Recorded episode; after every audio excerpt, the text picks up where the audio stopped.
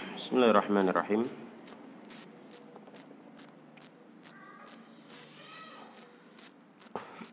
الحمد لله رب العالمين.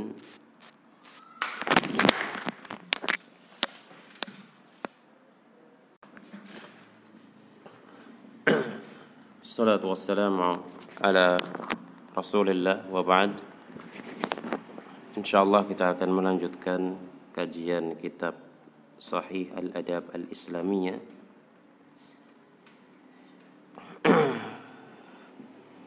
Masih pembahasan tentang atau silsilah durus ilmiah.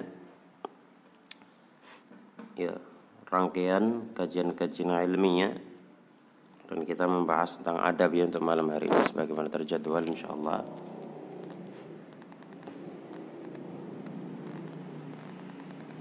dan kita akan masuk pada daras yang kedua, pelajaran yang kedua.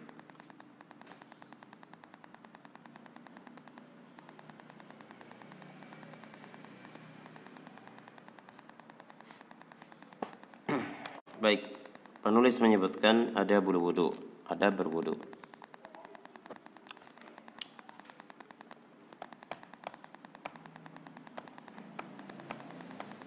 Syekh mengatakan wa awwalu hadhihi al-adab. Ya adab yang pertama dari adab berwudu adalah at-tasmiyah ala wudu. Membaca tasmiyah membaca bismillah saat mau berwudu. Rawat Tirmidzi an Sa'id bin Zaid Rawat Tirmidzi an Sa'id ibn Zaid radhiyallahu an قال سمعت رسول الله صلى الله عليه وسلم يقول لا وضوء لمن لم يذكر اسم الله عليه الإمام الترمذي meriwayatkan dari Sa'id bin Zaid radhiyallahu an bahwasanya Nabi Shallallahu alaihi wasallam bersabda atau dia mengatakan aku mendengar Rasulullah sallallahu alaihi wasallam bersabda la wudu'a liman lam yazkur ismallahi alaih tidak ada wudu bagi orang yang tidak menyebut nama Allah. Yakni tidak membaca bismillah. Baik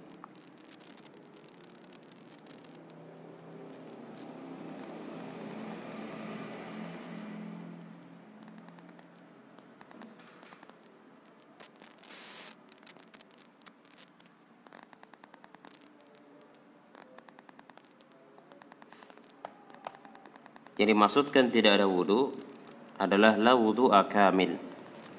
La wudhu'a kamilun illa bitasmiyati wal muradu ya bismillah ay ayyakula bismillah. Maksudnya wudhu itu tidak sempurna. Wudhu itu tidak sempurna kecuali membaca atau kecuali bertasmiyah. Ya, yang dimaksudkan dengan nama Allah adalah dia membaca bismillah Ya, dia membaca apa? Bismillah. Ustafadu min al-hadid diambil pelajaran dari hadis ini pertama annahu yustahabbu dzikru ismillahi ta'ala indal wudu. Disunnahkan untuk menyebut nama Allah ketika berwudu. Waalaikumsalam warahmatullahi Disunahkan untuk menyebut nama Allah ketika berwudu. Kemudian yang kedua, wa annahu kullama kana al-amal muwafiqan lisunnah kana aktsaru atau kana aktsara ajran. Pelajaran yang kedua bisa diambil dari hadis ini semakin amalan itu mencocoki sunnah maka pahalanya semakin banyak. Ya. Baik. Jadi ini adab yang pertama membaca bismillah di saat berwudu. Dan disebutkan di sini yustahab disunnahkan. Kemudian di sini saya menyebutkan ada faedah dari kalimat penafian dalam syariat. Ya, kalimat penafian seperti misalkan dalam hadis tadi la wudu'a liman la yazkur ismallah. Tidak ada wudu bagi orang yang tidak menyebut nama Allah, tidak baca bismillah. Ya, kalimat penafian. Tidak ada demikian, tidak ada demikian. Seperti misalkan ada hadis juga yang berbunyi la salata bi hadrati ta'am, tidak ada salat ketika makanan sudah dihidangkan. Nah, nafi itu ada tiga macam. Yang pertama, nafyu sihatin. Penafian atau peniadaan yang bermakna tidak sah. Ya. Jadi kalau dikatakan misalkan uh, dalam hadis Nabi SAW mengatakan la salata bi ghairi tahurin. Tidak ada solat tanpa bersuci. Maksudnya tidak ada solat adalah tidak sah. Kadang sering ya kalimat-kalimat seperti itu dalam hadis ya atau dalam Al-Qur'an. Kemudian yang kedua nafyu kamalin. Peniadaan tapi yang dimaksudkan tidak sempurna. Yang dia yang ditiadakan adalah kesempurnaan. Kalau yang pertama tadi yang ditiadakan adalah keabsahan. Contoh yang dia yang ditiadakan adalah kesempurnaan sabda Nabi Shallallahu alaihi wasallam la tikafa illa fil masajidis salasati. Tidak ada iktikaf kecuali di tiga masjid Ya, tidak ada iktikaf di sini maksudnya yang ditiadakan adalah kesempurnaan. Ya, maksudnya iktikaf yang paling sempurna dilakukan di tiga masjid, Masjidil Haram, Masjidil Nabawi dan Masjid Al-Aqsa. Termasuk juga hadis yang baru saja dilewati yakni dalam pembahasan ini la wudu'a liman lam yazkur ismallahi alaih tidak ada wudhu bagi orang yang tidak menyebut nama Allah. Ala qawli jumhuril ulama menurut pendapat mayoritas ulama. Jadi maksudnya wudhu tidak sempurna ketika tidak menyebut nama Allah nggak baca Bismillah. Kemudian bagian yang ketiga kalimat an-nafyu atau peniadaan adalah nafyu wujudin. yang ditiadakan adalah wujudnya. Ya yang ditiadakan adalah wujudnya keberadaannya. Nggak ada itu. Bukan keabsahannya. Kalau keabsahannya wujudnya ada cuman nggak sah. Kalau yang ditiadakan kesempurnaan wujudnya ada sah tapi nggak sempurna nah ini yang ditiadakan adalah wujudnya seperti misalkan kalimat yang berbunyi la rojula fiddari tidak ada seorang laki-laki pun di dalam rumah. Nah, ini bermakna nafyul wujud yang ditiadakan adalah keberadaannya. Ya. Selanjutnya terkait hukum fikih pensyarah kitab ini mengatakan mayoritas ulama membawa makna peniadaan dalam hadis ini kepada makna peniadaan kesempurnaan. Oleh karena itulah mayoritas ulama berpandangan bahwa tasmiyah atau membaca bismillah itu hukumnya mustahab atau hukumnya sunnah. Ya. Kemudian di sini saya menyebutkan ذهب الحنفية والمالكية والشافعية ila anna tasmiyata sunnatun inda ibtida'il wudu. Ya. Ulama mazhab Hanafi, Maliki dan Syafi'i berpandangan bahwa membaca bismillah itu sunnah inda ibtida'il wudu di awal memulai berwudu. Ya, jadi eh, sebelum berwudu dia membaca bismillah. Kemudian wa in nasyal mutawazzi'ut tasmiyata fi awalil wudu apabila orang yang berwudu lupa membaca bismillah di awal wudu wa dzakaraha fi asna'ihi dan dia mengingatnya di tengah-tengah aktivitas wudunya ata biha ya dia mendatangkannya yakni dia membaca hatta la yakhluwal wudu'u min ismillah ta'ala sehingga aktivitas wudhu itu tidak lepas dari penyebutan nama Allah Jalla wa'ala. Jadi kalau lupa ingat di tengah-tengah ya sudah baca di tengah-tengah. Zahaba al-hanabilatu ila anna at-tasmiyata fil wudu'i wajibatun wa hiya qawluhu bismillah la yaqumu ghairuha maqamaha. Ya wastadallu li wujubiha bil. Ya. Cuman di sini ulama Hanabila, ulama Hambaliyah berpandangan bahwa membaca bismillah saat berwudu itu wajib. Ya. Dan bacaannya bismillah nggak bisa digantikan dengan bacaan yang lain. Dalilnya apa? Dalilnya sama. La wudu'a liman lam yadhkur ismallahi alaih. Ya, tidak ada wudhu bagi orang yang tidak menyebut nama Allah. Ya, jadi hadisnya sama, pemahamannya berbeda. Berarti kalau Hanab, Hanabila berpandangan dimaksudkan adalah yang ditiadakan adalah keabsahannya. Sementara mayoritas ulama menyatakan yang ditiadakan adalah e, kesempurnaannya. Tapi di kalangan ulama Hanabila watas kutu tasmiyatu halatas sahwi tajawuzan. Ya. Ketika lupa menurut ulama Hanabila Bacaan bismillah itu gugur tajawuzan. Artinya tajawuzan sebagai bentuk pemaafan dikarenakan tidak sengaja. Baik. Fa in dzakara al-mutawaddi'u tasmiyata fi asna'il wudhu sama wabana. Nah, ini masih di kalangan ulama Hanabila. Kalau orang yang berwudu ingat ingat membaca tasmiyah di tengah-tengah wudhunya, maka dia membaca dan dia membangun wudhunya ya e, sebagaimana yang telah berlalu. Artinya dia tidak perlu mengulang dari awal. Itu maksud dari kata bana. Ya dia terusin aja, dia terusin aja. Dia nggak perlu. Wah karena ingatnya ini wah hambali ya. Karena ingatnya kok pas nyuci tangan, ya baca Bismillah lalu dia mengawali dari awal. Enggak. Itu makna kata bana, ya membangun wudhunya sebagaimana yang telah dia lakukan sebelumnya. Wa in tarakaha amdan lam tasihhat taharatu li'annahu lam yadhkur ismallahi ala taharatihi. Ya.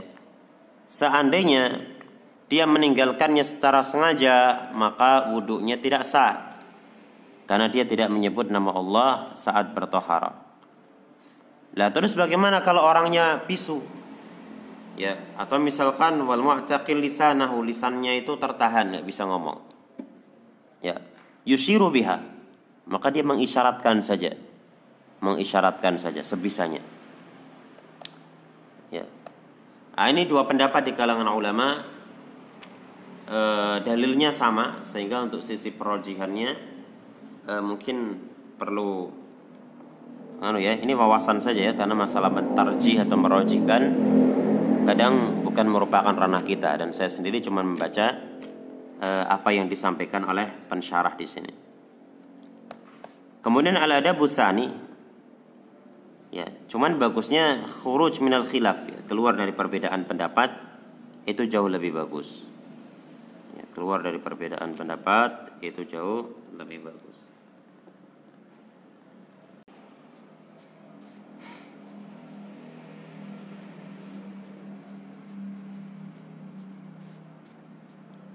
Ya, dan ini juga dinasihatkan oleh para ulama seperti Syekh bin Bas hafizahullah rahimahullah ya agar supaya seseorang tetap menjaga bacaan bismillahnya sebelum berwudu keluar dari perbedaan pendapat. Ya.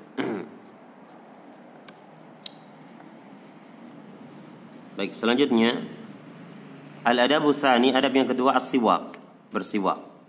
Saat berwudu dia bersiwak. Rawahu Imam Ahmad bi sanadin hasanin an Abi Hurairah radhiyallahu an qala qala Rasulullah sallallahu alaihi wasallam laula an asyqa ala ummati la amartuhum inda kulli salatin bi wudu'in aw ma'a kulli wudu'in siwakun wala akhart wala akhartu isya al-akhirah ila sulusil lail. Ya, diriwayatkan oleh Imam Ahmad dengan sanad yang hasan dari Abu Hurairah radhiyallahu an diberkata, Rasulullah sallallahu alaihi wasallam bersabda, laula an asyqa ala ummati laula an an asyqa ala ummati seandainya tidak memberatkan umatku la amartuhum inda kulli salatin biwudu. Niscaya aku perintahkan setiap mau salat untuk berwudu. Au ma'a kulli wudu'in siwakun. Atau pada setiap berwudu uh, dia bersiwak. Ya. yeah.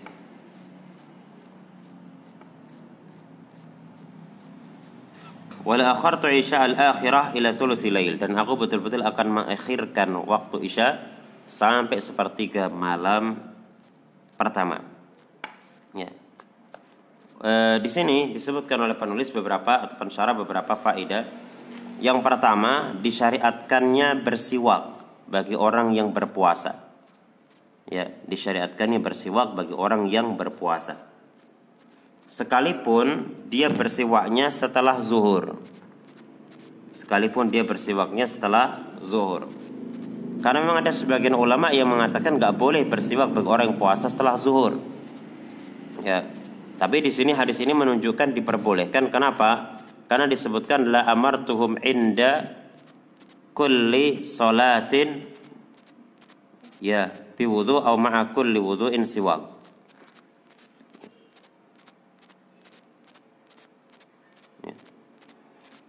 Di sini disebutkan ya, coba ini tak cek teksnya apa ada kesalahan teks.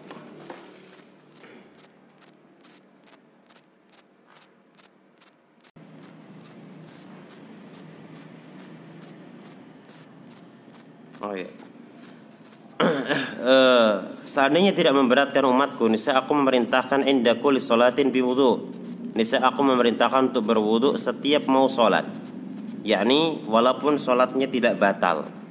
Jadi seandainya tidak memberatkan umatku, niscaya setiap mereka mau sholat, aku perintahkan untuk berwudu. Ini dulu wudu sekalipun wudunya tidak batal. Au ma'kulli wudu'in siwakun atau ya dalam dalam apa? Dalam uh, atau di sini bermakna dan ya sebagaimana disebutkan oleh pensyarah uh, dan juga seandainya tidak memberatkan akan aku perintahkan setiap wudhu untuk bersiwak gitu. kata Nabi Ya. Jadi di sini ada ada pelajaran bahwa boleh bersiwak walaupun setelah zuhur. Alasannya apa? Ya, sisi pendalilnya apa? Di sini setiap berwudu kalau tidak memberatkan aku perintahkan untuk bersiwak. Sementara saat zuhur pun orang ber berwudu, maka kalau begitu diperbolehkan. Ya.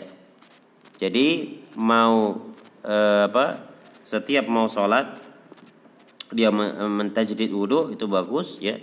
Termasuk juga tapi tidak wajib ya. Karena Nabi mengatakan seandainya tidak memberatkan.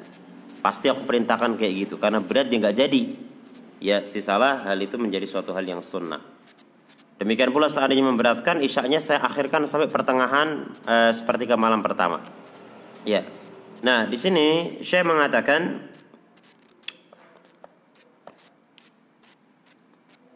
Wa anna yustahabu tajdidul wudu' li kulli salatin.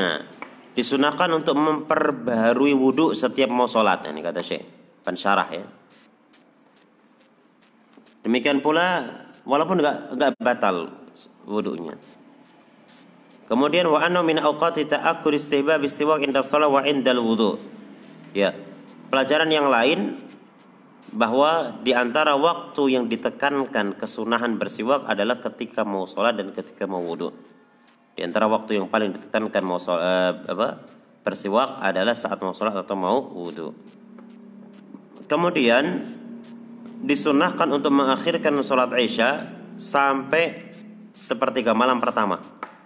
Jadi sepertiga malam pertama berarti hitungannya malam itu dari mulai maghrib sampai subuh dibagi menjadi tiga. Nah sampai sepertiga malam pertama, ya ini akhir menjelang sepertiga malam kedua lah, itulah waktu waktu disunahkan untuk mengakhirkan sholat isya. Tapi in kanat satu sholat jamaatan, kalau mau dilakukan sholat berjamaah, ya artinya kalau misalkan masjid satu kampung itu bersepakat mau sholat jamaah di eh, sepertiga malam pertama, ya yang terakhir, ya sepertiga malam pertama maksud saya, maka itu disunahkan. Tapi kalau tidak ya sesuai dengan jamaah yang ada. Ya, kemudian selanjutnya di antara pelajaran yang bisa diambil fi fadlul wudu was shalah al musta'mal ma'ahuma as-siwak. Ya, keutamaan berwudu dan salat yang e, siwak digunakan pada keduanya.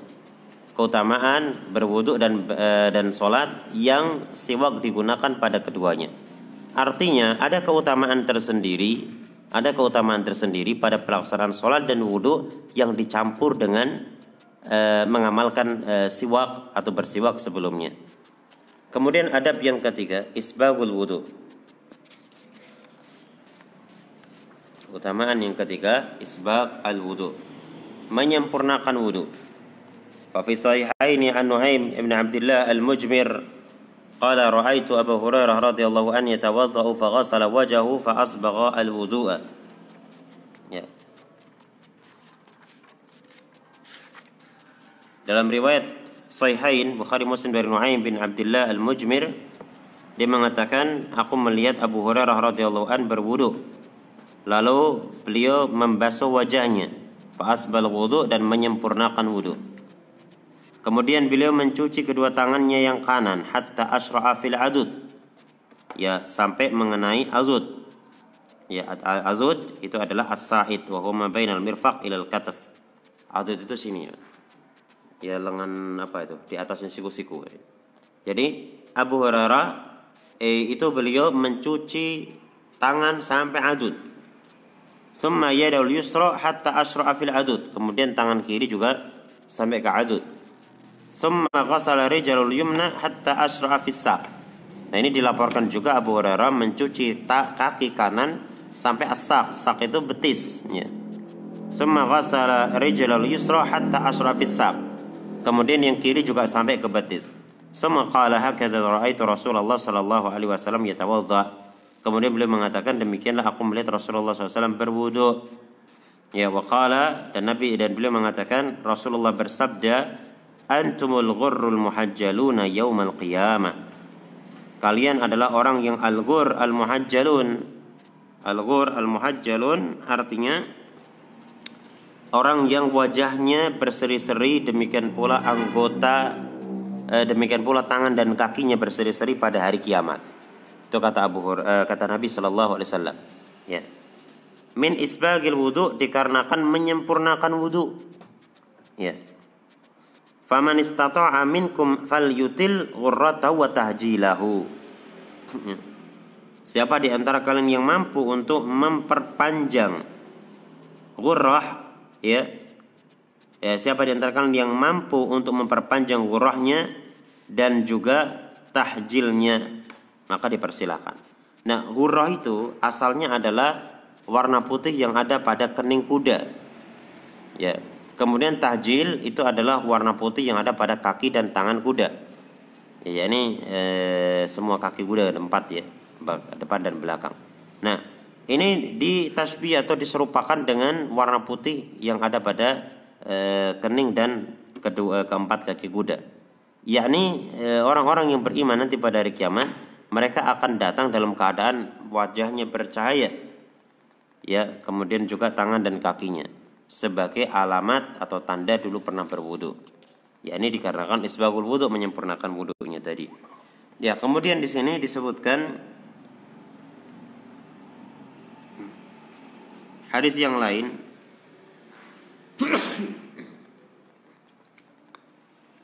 Rawa Muslim fi sahihi an Abi Hurairah radhiyallahu an Imam Muslim meriwayatkan dalam sahihnya dari hadis Abu Hurairah anna Rasulullah bahwa Rasulullah Shallallahu Alaihi Wasallam bersabda, "Ala adullukum ala ma yamhullahu bihil khataya."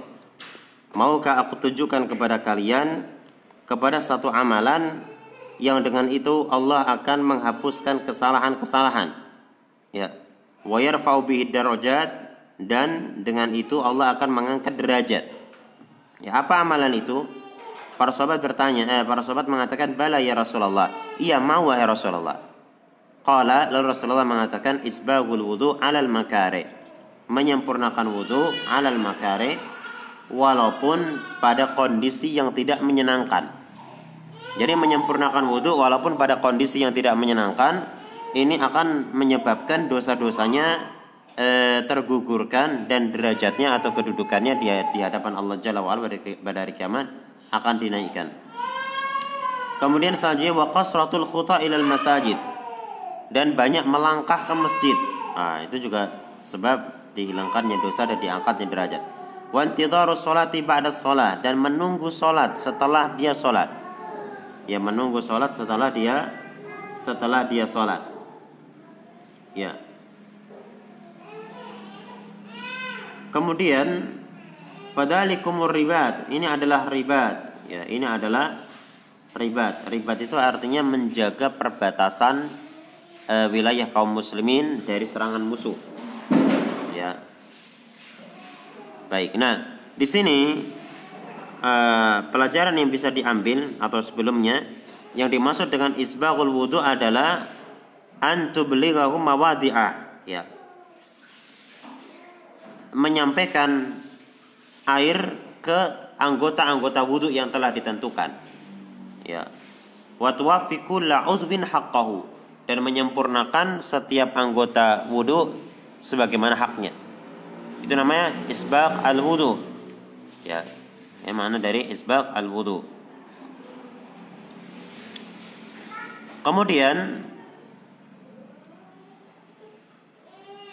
di antara makna isbaqul wudu kalau selain tadi kan menyempurnakan pada anggota-anggota yang memang harus di, dibasuh.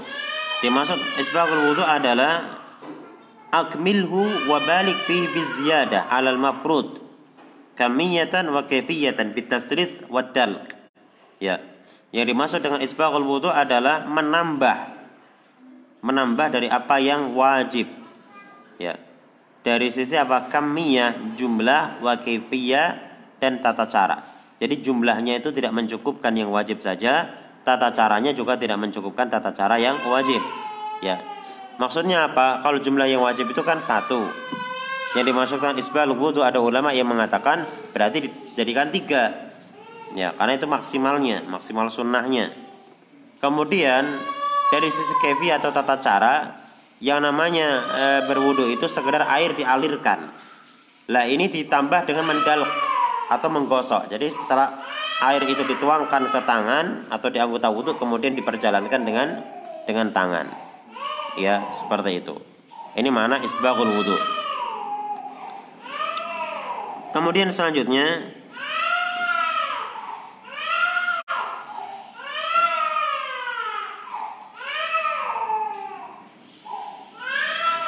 Ya, saya di sini menyebutkan tentang lafat wa mahbu wa mahbul khotoya dan dihapuskan kesalahan. Maksudnya dihapuskan kesalahan adalah diampuni sama Allah taala. Wa yahtamil mahwaha eh, min kitabi al-hafadhah wa dalilan ala ghufraniha. Nah, ada kemungkinan makna yang lain yakni catatan amalan yang ada pada malaikat penjaga itu dihapuskan. Ya, catatan amalan keburukan kita yang ada pada malaikat penjaga kita itu dihapuskan karena lafadznya wayamhu al khotoya dan menghapuskan kesalahan itu. Apa makna menghapuskan kesalahan? Tadi maknanya diampuni atau maknanya catatan kesalahan kita dihapus yang ada di malaikat. Dan ini menjadi dalil atau e, petunjuk akan diampuninya kesalahan-kesalahan tersebut. Adapun kalimat al-makareh isbaghul wudu alal makareh menyempurnakan wudhu walaupun pada kondisi-kondisi yang tidak menyenangkan ya. E, maksudnya adalah e, wal makarih takunu bi syiddatil wa alamil jism wa nahwi ya yang dimaksudkan al makarih hal yang tidak menyenangkan takunu bi syiddatil ketika kondisi cuaca yang dingin. Nah itu nggak senang ya repot. Ya nggak menyenangkan. Dingin-dingin kok pakai air Wa alamil jism demikian pula ketika kondisi tubuh itu tidak tidak stabil, sakit gitu kan. Misalkan lagi nggak enak badan atau misalkan ada anggota yang luka, ya ada anggota yang luka, uh, tapi kita tetap sempurna wudhunya, ya. Nah ini maksud dari kata al makare.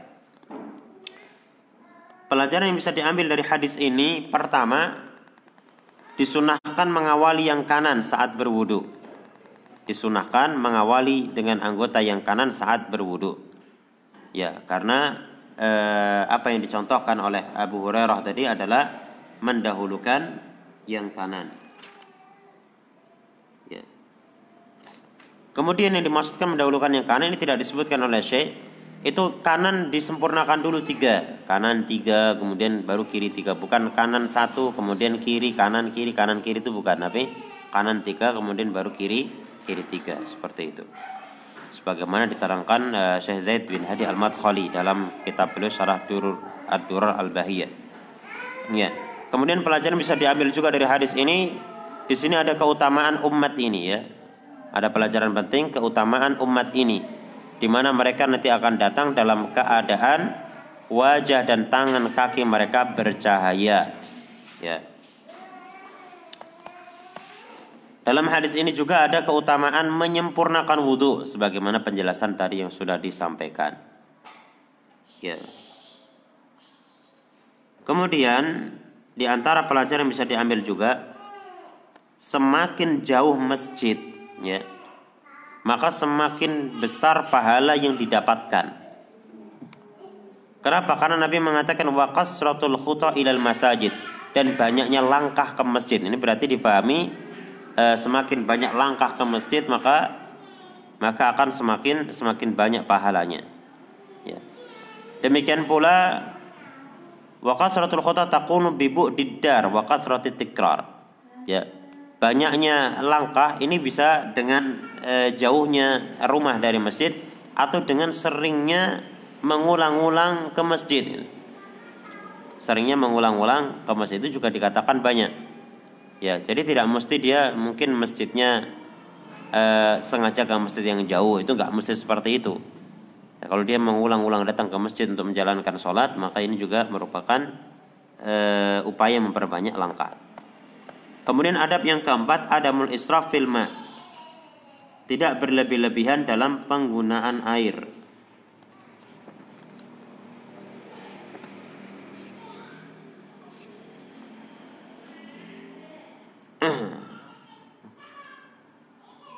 Disebutkan oleh Abu Dawud dengan sanad yang sahih dari Abdullah bin Mughaffal radhiyallahu an bahasanya beliau mendengar anaknya berkata Anaknya Abdullah bin Al-Mughaffal berkata, Allahumma inni as'aluka al-qasr al-abyada an yaminil jannah idza dakhaltuha.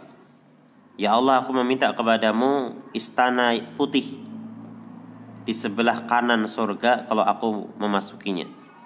Nah, jadi dia berdoa minta istana putih yang posisinya di sebelah kanan di surga kalau dia masuk. Kemudian ayahnya mendengar dan mengatakan, "Ay bunai, wahai anakku, salillahil jannata, salillahal jannata wa tu'awid bihi minan nar." Wahai anakku, mintalah surga ke Allah dan mintalah perlindungan dari neraka. Ya. Fa inni sami'tu Rasulullah sallallahu alaihi wasallam yaqul, karena aku mendengar Rasulullah wasallam bersabda, "Innahu sayakunu fi hadhihi al-ummati qaumun ya'tadduna fitu fit tahuri du'a ya fit tuhuri ya.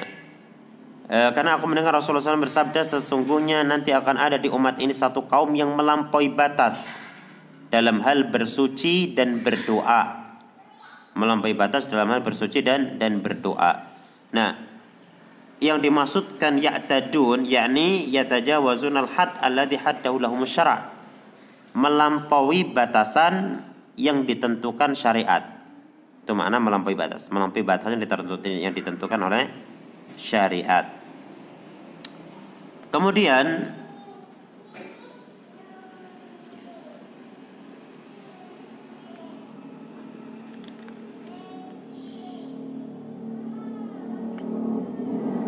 Pelajaran yang bisa diambil dari hadis ini karahiyatul israf fil ma walau fil wudu.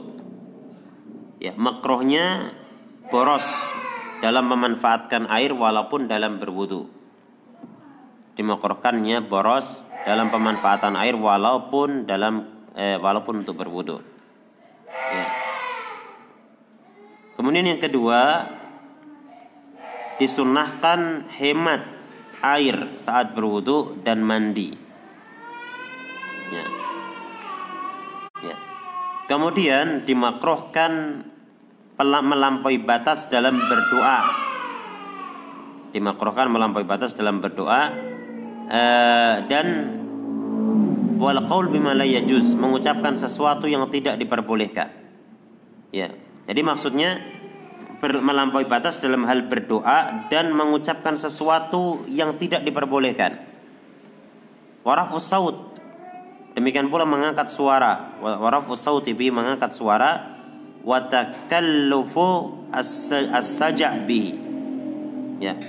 Dan tidak diperbolehkan juga takallufus saja' bihi takalluf e, memberat-beratkan dalam bersaja nah, maka di sini terkait dengan berdoa terkait dengan masalah berdoa ini nggak boleh melampaui batas ya di antara bentuknya adalah rafus saut mengangkat suara dan bersaja saat berdoa kadang ada orang yang berdoa itu pakai saja nah itu malah makro ya kemudian selanjutnya adab yang kelima ghusl kaffain membasuh kedua telapak tangan وفي صحيحين عن عبد الله بن عن عبد الله بن زيد بن عاصم الأنصاري رضي الله عنه fi wasfi wudu'i Rasulillah sallallahu alaihi wasallam qala eh, fada'a bi ina'in fa'aqfa'a minha 'ala yadayhi faghasalahuma thalatan. Ya. Disebutkan di sini tentang sifat wudhu Rasulullah sallallahu alaihi ya. Di mana beliau meminta bejana lalu e, memiringkan e, bejana tersebut untuk menuangkan tangan ke kedua tangannya. Faghasalahuma salatan lalu beliau membasuh keduanya tiga kali. Maka di sini kata Syekh famin adabil wudu ghusl kaffain salatan qabla ayudkhilaha fil ina. Ya. Di antara adab wudu adalah mencuci kedua telapak tangan tiga kali sebelum memasukkannya ke dalam ina ke dalam wadah. Ya.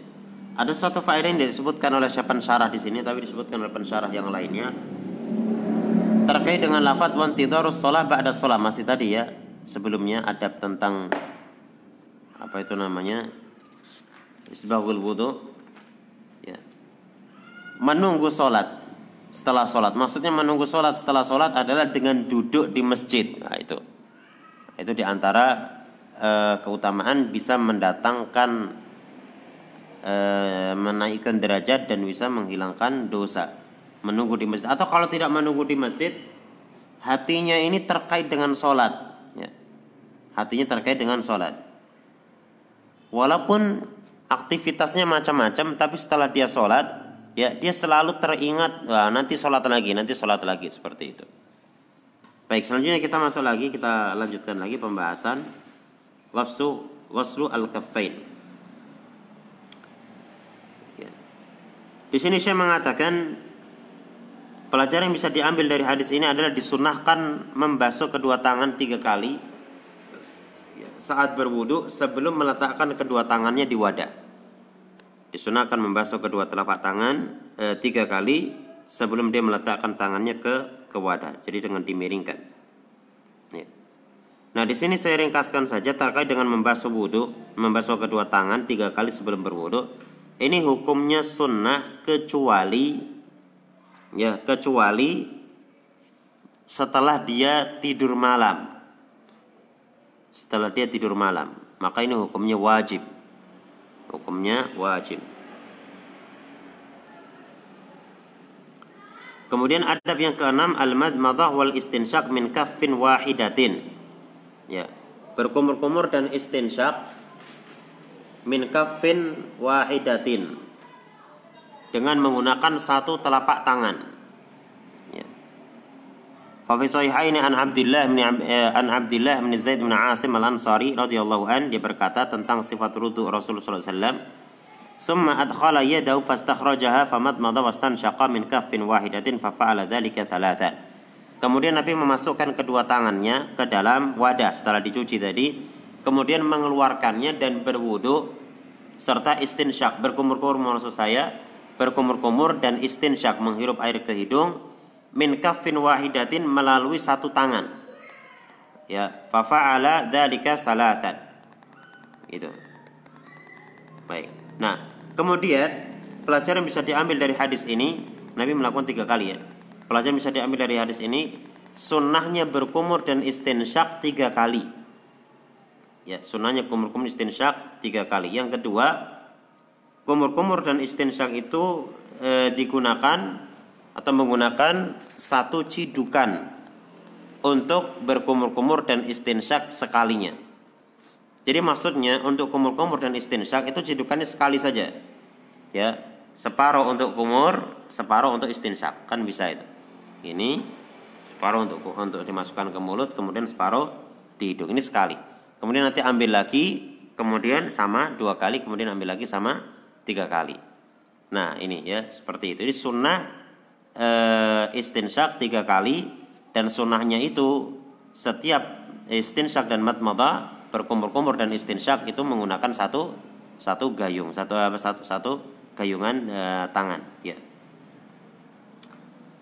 bukan satu gayung banyak orang itu kebanyakan gitu. kemudian wa nausulukul mu'alim aqrab ilal fahmi warusukhi al ilmi praktek dari seorang pengajar itu lebih mudah difahami. Ya dan lebih menancap lebih bisa menancapkan ilmu. Artinya pembelajaran melalui praktek. Ya. Kemudian selanjutnya adab yang ketujuh taklilu asabil yadaini warijlain menyela-nyelai jari jemari tangan dan jari jemari kaki saat berwudu. Ya Hadis riwayat Imam Tirmidzi dan dia mengatakan hadis hasan sahih dari Laqid bin Sabrah radhiyallahu anhu mengatakan Rasulullah SAW bersabda idza tawadda'ta fakhalil al asabi kalau engkau berwuduk maka sela-selailah jari jemari. Warawat Tirmidzi diriwayatkan Tirmidzi juga dan beliau menghasankannya dari Ibnu Abbas radhiyallahu anhu bahwasanya Rasulullah SAW bersabda idza tawadda'ta fakhalil baina asabi yadaika wa rijlaik Ya kata Nabi, kalau kau berwudu maka sela-selailah antar jari jemari tanganmu dan kakimu. Itu perintah Nabi. Ya. Baik. Dan Syekh di sini mengatakan pensyarat wa takhlil asabil yadaini wa rijlain sunnah fil wudu. Ya. Menyela-nyelanya itu sunnah dalam berwudu. Sunnah dalam berwudu.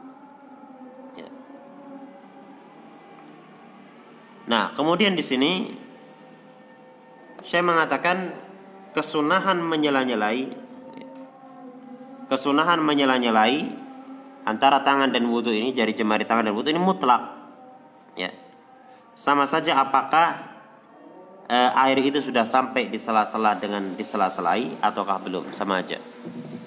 Pokoknya ada sunnah seperti itu. Walaupun airnya sudah sampai di, di sela-sela jari jemari tetap sun tetap sunnah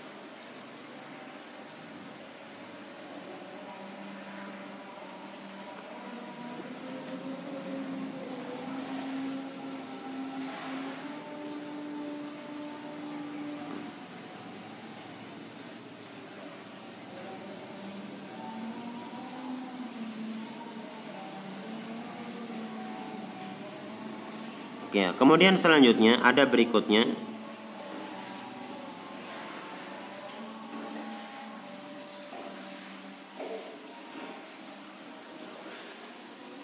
Al-mubalaghah fil istinsyaq, ya, bersungguh-sungguh saat istinsyaq. Bersungguh-sungguh saat saat istinsyaq. Diriwayatkan oleh Imam Tirmidzi dan beliau mengatakan hadis hasan sahih ya dari Laqid bin Sabura juga dia mengatakan aku berkata wahai Rasulullah ya Rasulullah akhbirni anil wudu.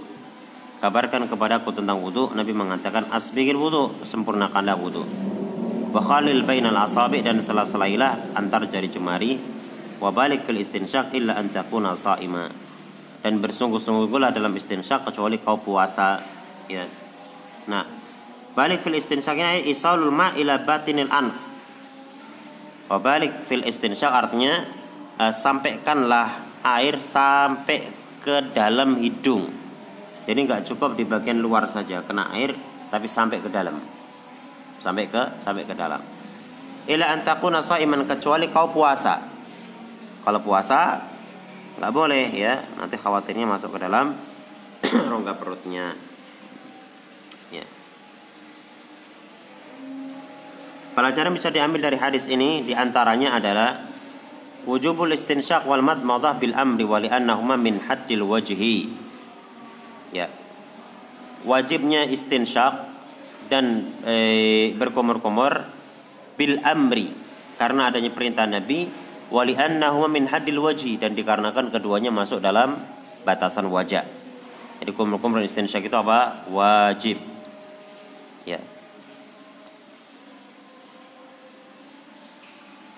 Kemudian fi karahiyatul mubalaghah fil madmadah wal istinsyaq lis saim. Dalam hadis ini ada uh, faedah makruh mubalaghah uh, makruh berlebih-lebihan dalam uh, berkumur-kumur dan istinsyak bagi orang yang berpuasa. Kemudian adab yang kesembilan takhlilul lihyah al-kasifah. Menyela-nyelai al-lihyah al-kasifah. Jenggot yang tebal. Di antara uh, sunnah adalah menyela-nyelai jenggot yang jenggot yang yang tebal.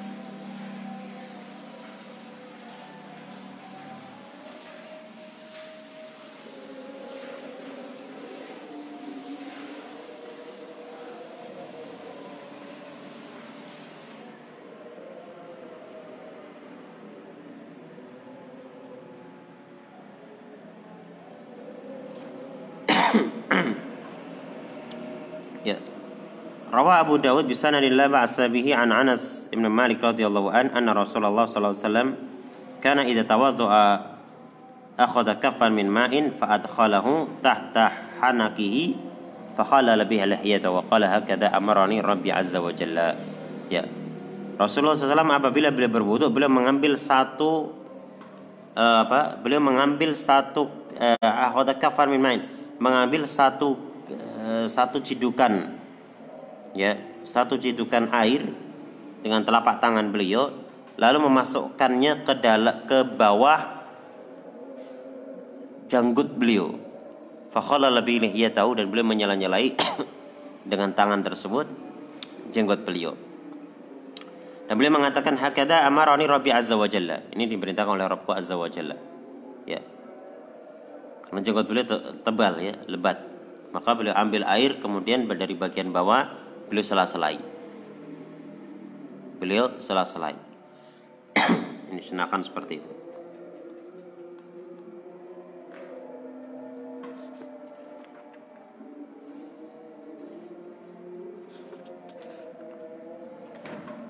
Kemudian riwayat Imam Tirmidzi wa qala Hasan Sahih an Utsman bin Affan anna Nabi kana yukhallil lihiyatahu. Ya. Dalam riwayat Imam Utsman bin Affan disebutkan Nabi SAW beliau menyela-nyelai jenggot beliau. Ya. Baik, kemudian jadi kalau jenggotnya itu uh, ter, uh, apa, masih tidak terlalu tebal, batasannya terlihat bagian kulitnya, maka wajib untuk dibasuh. Ya. Tapi kalau tebal itu kan sulit untuk dibasuh. Ya, maka di sini walaupun uh, sulit untuk dibasuh, tidak diperintahkan untuk dibasuh, ya tapi diperintahkan untuk menyela-nyelai. Ya, diperintahkan untuk menyela menyela-nyelai. Baik.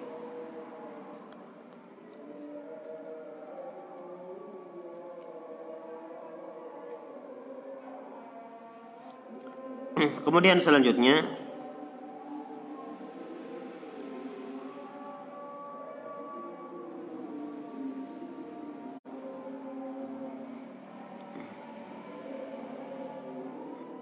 Adab yang ke-10 al-muhafadzah 'alal wudu, menjaga wudu. Ya.